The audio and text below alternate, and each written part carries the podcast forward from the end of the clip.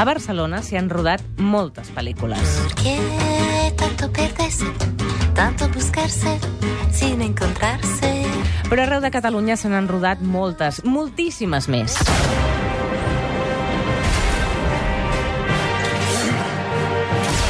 Sortiu de les cases! Ho arrasarem al poble! És Bruc la llegenda, rodada a Montserrat, a Arnès, al Parc Natural dels Ports i a Mura. Un altre exemple, Blancaneu, de Pablo Berguer, rodada a Vilanova i la Geltrú. Te busco y no te puedo encontrar. Te busco y no te puedo encontrar. Però la veritat i la singularitat dels paisatges de Catalunya ha tret també directors de Hollywood que han vingut a rodar les seves pel·lícules. En molts llocs encara recorda el pas de grans estrelles, com a Tossa de Mar, on la presència de Wagner no va deixar ningú indiferent. How am I to know? Vostè encara la recorda, eh? Calla, calla, deixa'm l'escoltar, goita, va. Ja, ja és com si la vegués. Sí. Sí. Amb els guants amunt i avall. I encara pensant en Mambo. O Mambo, la pel·lícula, no? Ah, no, no era... A Wagner sortia Mambo? O m'estic equivocant? Rostoll, dels guants, Rostoll. volies dir Rita Hayworth, Sí, potser? sí, sí, el dels guants ja, ja era una de les grans cagades, però la pel·lícula Mambo, no, no es diu Mambo, com es diu? Mogambo, Mogambo, mare meva. Eugeni Osakar Marçal ha escrit Catalunya de pel·lícula, un llibre on repassa els diferents rodatges que s'han fet aquí al llarg dels anys. Molt bona tarda, Eugeni. Molt bona tarda. M'has triat un petit cable. No surt, oi? No, no, no, no surt, no surt Era aquesta la. Grace Kelly, Exacte, el- exacte, sí, sí, més però, havia- però no es va rodar ni a Catalunya ni no, a ja ho sé, no? ja ho sé, però bueno. L'Eugeni és professor de l'Escola Universitària d'Hoteleria i Turisme a la Universitat de Barcelona, director de recerca i director del màster oficial en innovació de la gestió turística. El 2013 va publicar Barcelona, una ciutat de pel·lícula, i ara ens ensenya aquesta guia turística del país a través d'un plató natural, podríem dir, perquè en aquest llibre expliques més de 300 propostes per fer turisme de cine, oi? Sí, això que anomenem avui dia, bueno, que, que s'anomena, no és que ho anomeni jo, turisme cinematogràfic, és a dir, desplaçar-se per poder reviure o simplement conèixer aquells llocs que hem descobert o podem redescobrir doncs, a les nostres pel·lícules o sèries favorites. Llavors és el que hem intentat doncs, amb aquest llibre, recollir no totes, lògicament, però sí aquells espais eh, més significatius, aproximadament unes 175 pel·lícules, estructurats amb, amb rutes, eh, unes 25 rutes i unes propostes temàtiques que suposo que podrem anar comentant. Sí, ara. ja les anirem fent al costat d'Alfons Gorina. Què té Catalunya que directors de Hollywood hagin vingut aquí a filmar les seves pel·lícules? És una mica per varietat de paisatges, perquè ho té tot, sempre s'ha dit, no? O perquè rodar aquí és més barat? No, més barat no. El que sí que és cert és que hi ha un patrimoni molt divers, no només cultural, sinó a nivell natural, paisatges... Les comunicacions són molt bones, és a dir, jo en algun moment del llibre he fet un capítol ho dic, és a dir, es pot passar del Pirineu a la Costa Brava en menys d'una hora i mitja, amb bones comunicacions, i això no és evident a tot arreu. I, a més a més, eh, s'ha d'afegir una altra cosa que és important, fins i tot quan parlem de produccions internacionals.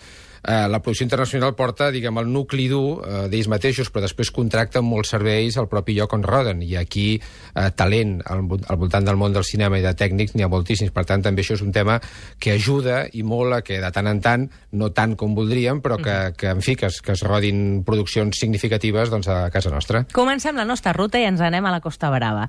El primer gran rodatge que es va fer allà va ser el 1950. La pel·lícula era Pandora i l'holandès Arran, amb Ava Gardner.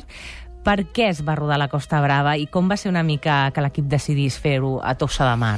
Bé, uh, és una mica llarg d'explicar, però ho sintetitza- sintetitzaré molt ràpid. És a dir, uh, just després de la Segona Guerra Mundial, uh, les grans produccions uh, nord-americanes uh, es van trobar doncs, que per un tema de, de no poder uh, emportar-se les divises diguem, dels guanys que tenien. Per tant, una de les solucions que van tenir és uh, invertir aquests diners que tenien a Europa en produccions, en produccions cinematogràfiques.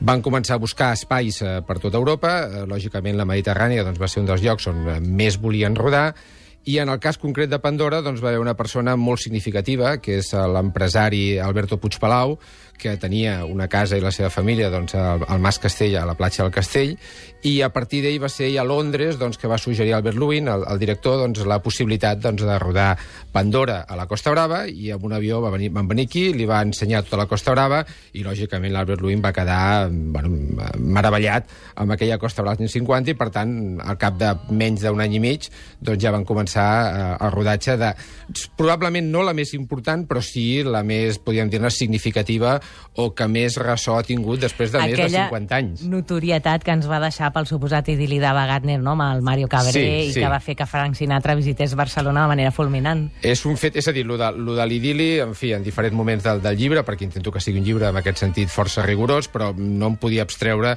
doncs, de deixar-ho eh, en dos moments puntuals. Evidentment, no se sap si és cert o no que va haver aquest idili, però el que sí que és cert i que es pot constatar és que, que, la, va- que la Wagner el va justificar dient-li que no al, al Frank Sinatra, ell no s'ho va creure, va cancel·lar doncs, l'espectacle que tenia a Nova York, ràpidament va venir a Barcelona, a més va dir que no venia per ella, sinó que venia a relaxar-se, curiosament, a la Costa Brava on estava ell. No? sí, sí. Va Van canviar estar- Nova York per, per la Costa Brava. Exacte. Quin honor, quin honor. Van estar doncs, unes quantes setmanes junts, en fi, s'expliquen mil històries, tant de reconciliacions com de baralles, va marxar i després, bueno, en fi, ja sabem que la història va acabar com va acabar, però és una d'aquelles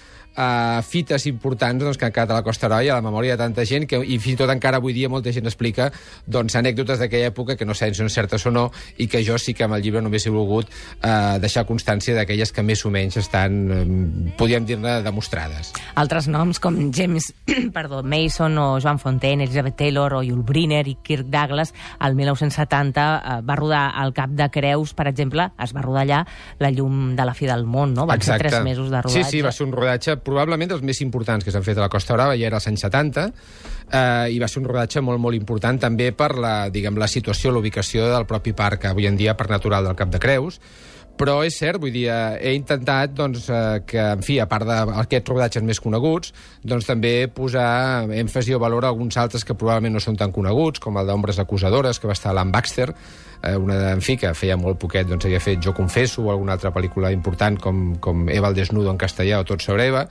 i, en fi, he intentat resumir doncs, aquí aproximadament uns 17 d'aquells llargmetratges dels més significatius en grans estrelles. I l'Anthony Quinn també va L'Anthony estar Quinn, sí, a sí. Calella de Palafrugell. Exacte, També va, va fer rodatge allà de la... Passió de hombre, pot ser? Sí, sí, una passió d'hombre, sí, sí, exacte. de hombre, sí, sí, sí, sí. Imagina't. I la foto del Kirk Douglas a l'aeroport de Barcelona m'agrada molt, eh? És molt maca, realment. Eh, és una altra de les coses que, que hem intentat amb el llibre, és a dir, eh, eh, intentar afegir fotografies que no siguin les més habituals, no el típic fotograma de la pel·lícula que es podia obtenir, sinó de making of o de foto fixa, i de tant en tant doncs, adquirir algunes d'aquestes que podíem dir curioses, o com la de Claudia Cardinale, quan va venir doncs, per la pel·lícula El maravilloso mundo del circo, doncs, també com saluda la gent doncs, amb una mena de eh, benvinguda que li van fer. No? És curiós perquè el llibre fa treure una mica de pit, eh? I dir, mireu quin país que tenim, fa treure pit. Per exemple, l'actriu Maria Schlinder, ho dic bé? Sí, Maria sí, Schneider. Schneider, Schneider. ara. Va rodar l'Osonomia a Calella de Palafrugell. Sí, sí, La sí. seva presència tampoc va passar per ningú per alt, perquè les seves excentricitats... Què va passar? Bé, va passar de tot, i aquestes sí que són eh, comprovables o, diguem, com a mínim, demostrables al moment. És a dir, una persona amb una certa excentricitat, era cert que sobretot era coneguda per l'últim tango a París, eh, però bé, allà doncs, eh, sembla ser que no estava en el seu millor moment i, per tant, des de baixar despullar de recepció o entrar enmig d'un campionat que estaven fent d'escacs i tirar els taulells, doncs eh, eh, coses d'aquestes en va fer més d'una, per tant se la recorda més per aquestes coses que pròpiament per la pel·lícula que tot s'ha de dir no va ser un gran èxit. Anem a la Catalunya interior. El juliol del 2009 va començar el rodatge de Panegra. L'Agustí Vilallonga al capdavant. Es va rodar bàsicament a les comarques del Bages, el Berguedà i Osona. Panegra va arrasar els Gaudí amb 13 premis, els Goya amb 9. El paisatge de la pel·lícula és tan intens i tan important com si fos fins i tot un personatge més. Mira, Andreu, jo ara ja no hi seré. Tot el que faig és per tu. Amb ell me n'hauria anat de la filla al món. Part del rodatge de Panegra es va fer a Mura, un poble del Bages d'uns 200 habitants, i és una de les portes d'entrada al Parc Natural de Sant Llorenç d'Amunt i l'Òbec. Parlem amb Martí Peric Singla, alcalde de Mura. Molt bona tarda. Bona tarda. Hola, alcalde. Bona tarda. Com recorda el rodatge de Panegra? Home, doncs, eh, tal com estaves descrivint tu, no? Ha sigut, eh, Mura és un lloc ja acostumat a rodatges, Mhm. però, evidentment, aquest ha sigut el de més impacte. Podríem dir impacte a, a que a, a arribar doncs, a, a tenir uns prèmits importants com els Goyes i tal i qual, doncs eh, se'n va parlar durant molt temps, es va muntar i eh, això va fer doncs, que tingués una forta afluència de turisme, que el que estan dient ara de ocho apellidos vascos, no? Sí. Doncs penso que amb una intensitat molt alta ho vam viure durant poder mig any. Molt bé. Alca- al- Alcalde, que, que hi vas participar amb el rodatge o què? Van fer sortir? No, no hi vaig participar. Hi vaig participar ajudant-los. Això podria ser un problema, segurament, no? Bueno. Però sí que hi va participar un percentatge molt alt de la població. Ah, està bé. I, i, I, escolta, jo tinc una pregunta. Com, com ho feien per dissimular allò les pa... Perquè, clar, el, el, el poble les papereres, els fanals i tot això, com s'ho feien? Els cables d'electricitat, no? Sí. Sí, veiem, és que a més a més, Pa Negre va coincidir amb el rodatge de Bruc Sí. al mateix temps. Clar. Els mateixos dies que Un es mes de juliol, oi? Es feia Bruc. Uh -huh. I llavors què van fer? Van treure les papereres? No, perquè Pa Negre es rodava en uns paratges a, a, a l'exterior eh, de, del casc urbà, en el Sí. sector del Puig de la Bauma i a la masia de Can Trullàs, Sí. i el Bruc era ben bé casc urbà de Morà. Vale. I el Bruc, el, el, el, el, no, no van tindre que treure papereres. És que a mi em té molta, molt curiositat això, senyor. Em té molt, molt... Això no les van tindre que treure ni res. No, no, no. Bueno, es va, eh, Bruc sí que va modificar bona part del casc urbà, eh? Va posar terra als carrers, eh, va canviar algunes portes, algunes làmperes, llums... Doncs clar, evidentment es va eh, adequar a, a l'època, no? Sí, sí. Clar. Mm, Espectacular, espectacular. I és incòmode això per la gent que hi viu d'allà de Morà? Uh, la gent de Mura, doncs, eh, jo penso que van disfrutar molt d'aquest tema i, a més a més, de que si disfruta és una activitat econòmica important pel municipi. Això anava a dir, perquè el poble ha d'acollir l'equip de rodatge mentre es filma la pel·lícula. Aquí suposo que vostès també, doncs, contents, no? Evidentment, vull dir, veiem, um, per a, la, les pel·lícules, doncs, uh, en cert moment necessiten doncs, el personal doncs, per, per, per doblatges, o perso- personal doncs, per, per uh, episodis en Clar. concret de la pel·lícula, o uh, equips tècnics de gent doncs, que els ajudin uh, per a subministres, per lo que sigui, no? I això doncs, uh, aporta una, una economia important en un municipi com el nostre, que aquesta gent treballa entre setmana i, eh, per tant, entre setmana doncs, no hi ha el turisme que hi ha un cap de setmana i permet eh, doncs, consensuar les dues coses molt bé, fantàstic. A És més, com que cosa. al poble hi ha masies com la del Puig de la Balma, on es va rodar justament Bruc, eh, eh, diguéssim que són escenaris naturals incomparables i, per tant, vostè també content no?, de poder-vos ensenyar al món. Evidentment, evidentment, vull dir, eh, estem molt contents d'aquests temes. Bueno, n'hem fet eh, un pilot de pel·lícules d'aquestes aquests últims anys, no? Vull dir, mm, Morella va començar als anys 50, l'any 47, diria exactament, amb la Mariona Sari, amb Quan de Los Ángeles duermen, que és de les primeres pel·lícules que ja va picar una miqueta fort, no? Sí. I des de llavors se n'han fet eh, doncs, eh, un grapat important, no sé, 50, 70, moltes pel·lícules s'han fet, sí, sí. I l'última, Tres bodes de mas de Javier Ruz, que encara suposo l'hem de veure a les pantalles. Sí, eh, de, Tres bodes de mas possiblement ha sigut de, de les últimes que ha tingut ressò, però n'hi va haver una altra, que no sé si la teniu clara, que va ser, ara va estar a, la, a, a Hollywood, Mm. i que va estar eh, en el Festival de Sitges i va guanyar com a tema específic, que era filmat a través d'un iPhone, que eh, eh, era la- l'agrupació aquesta de Cinefone, que deia Georgesai, diria alguna cosa així, eh, i que va guanyar el, el primer premi eh, amb especialització filmat a través d'un iPhone. Clar que sí, una població d'altura. Especialistes, aquí són especialistes, aquí, aquí Morà sou especialistes en fer cine, eh, noi? Martí Penic, Ah, Simla... veiem, tenim la ciutat de l'audiovisual aquí, aquí al costat, uh, l'ESCAC també, aquí a Terrassa, 20 quilòmetres, aquest paratge els hi és molt còmode, mm, a la qual doncs, ja fa anys que treballem amb ells, en comissió, uh, en Barcelona Film Commissions, en el qual doncs, eh, busquen espais o llocs per poder fer pel·lícules i aquest espai d'aquí es complementa molt pel que les necessitats que té la gent del cine, tant per la- per l'aspecte com per eh, eh, el dia a dia de, bé. de la seva producció. Martí Peric Singla, moltes gràcies, alcalde de Mura. A reveure. Molt bé, moltes gràcies. Adéu, vagi bé. Adéu, va ser, adéu. Doncs ja està, una població d'aquestes que hem vist a les pantalles sí, grans. I, tant. I, i com, com tu deies, és a dir, a l'última aquesta pel·lícula que comentàvem de Ruiz Caldera, Tres bodes de mas, aquí sí que hi havia bastants exteriors. De, allò, segur, segur que aquí papereres i coses Ah, d'aquestes en va haver... tindré que treure. La gent de direcció artística va treballar força, fanals, segur. Segur, segur. Sí, sí. Catalunya de pel·lícula és aquest llibre, aquesta guia, podríem dir, que estem descobrint avui al costat de l'Eugeni Osàcar Marzal. I també tenim en aquest llibre guies específiques. Parlem de cinema de terror i fantàstic. Aquí què ens destaques?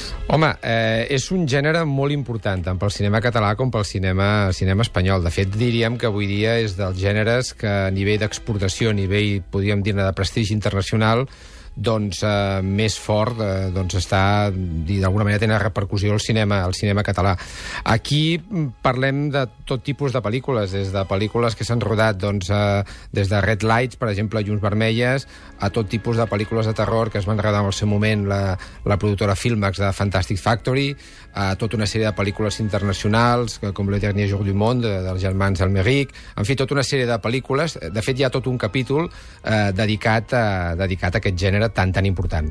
Sí, és que de fet Filmax ha fet molt per, per al cinema de terror a Catalunya, perquè és que el terror, saps què té? Que és, un, és universal, viatja molt bé. En canvi, la comèdia és molt local, en Sí. sí. canvi, no? I aleshores, eh, jo he anat a un munt de rodatges de terror. Allà, eh, per exemple, tindràs després el, el Lluís Marco, vaig estar a Esmodèxia, que va ser un dels rodatges Sí, que sí, sí, es van exacte. fer fa poc. Ara i fa amb- molt poquet, està- Amb, amb uns està pendent. escenaris terrorífics, eh? Crec que Absolutament. s'estrena per Sitges, no? Crec que sí, eh? Sí, justament. Sitges. També i vas després- anar al de Rec. El és el que anava dient, i no podem oblidar, diguem, una figura, no, no deixem de parlar ara de, de, de J. Bayona, perquè fet coses diverses, però també podíem fer-ho, però sobretot d'en Jaume Balagueró i Paco Plaza, no? Segurament, des de fa 10 anys o 15 anys, els grans, els grans eh, ambaixadors del cinema de gènere.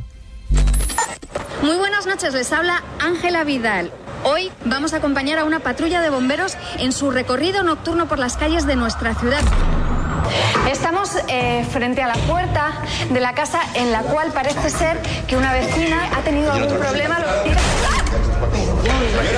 Doncs això es va rodar aquí al costat de casa nostra, a casa nostra, precisament, i això ho podeu trobar totes les, podríem dir, entre bambolines de rodatges, i així com moltes altres rutes al voltant de la nostra geografia que passen per Lleida i per diferents zones del país, en aquesta, en aquesta no anava a dir novel·la, en aquesta guia que, que ens ha portat avui la Geni Saca. Gràcies. I recordem el títol, Catalunya de pel·lícula, més de 300 propostes per fer turisme cinematogràfic de l'editorial Dièresis. Gràcies, Eugeni. Moltes gràcies per convidar-me.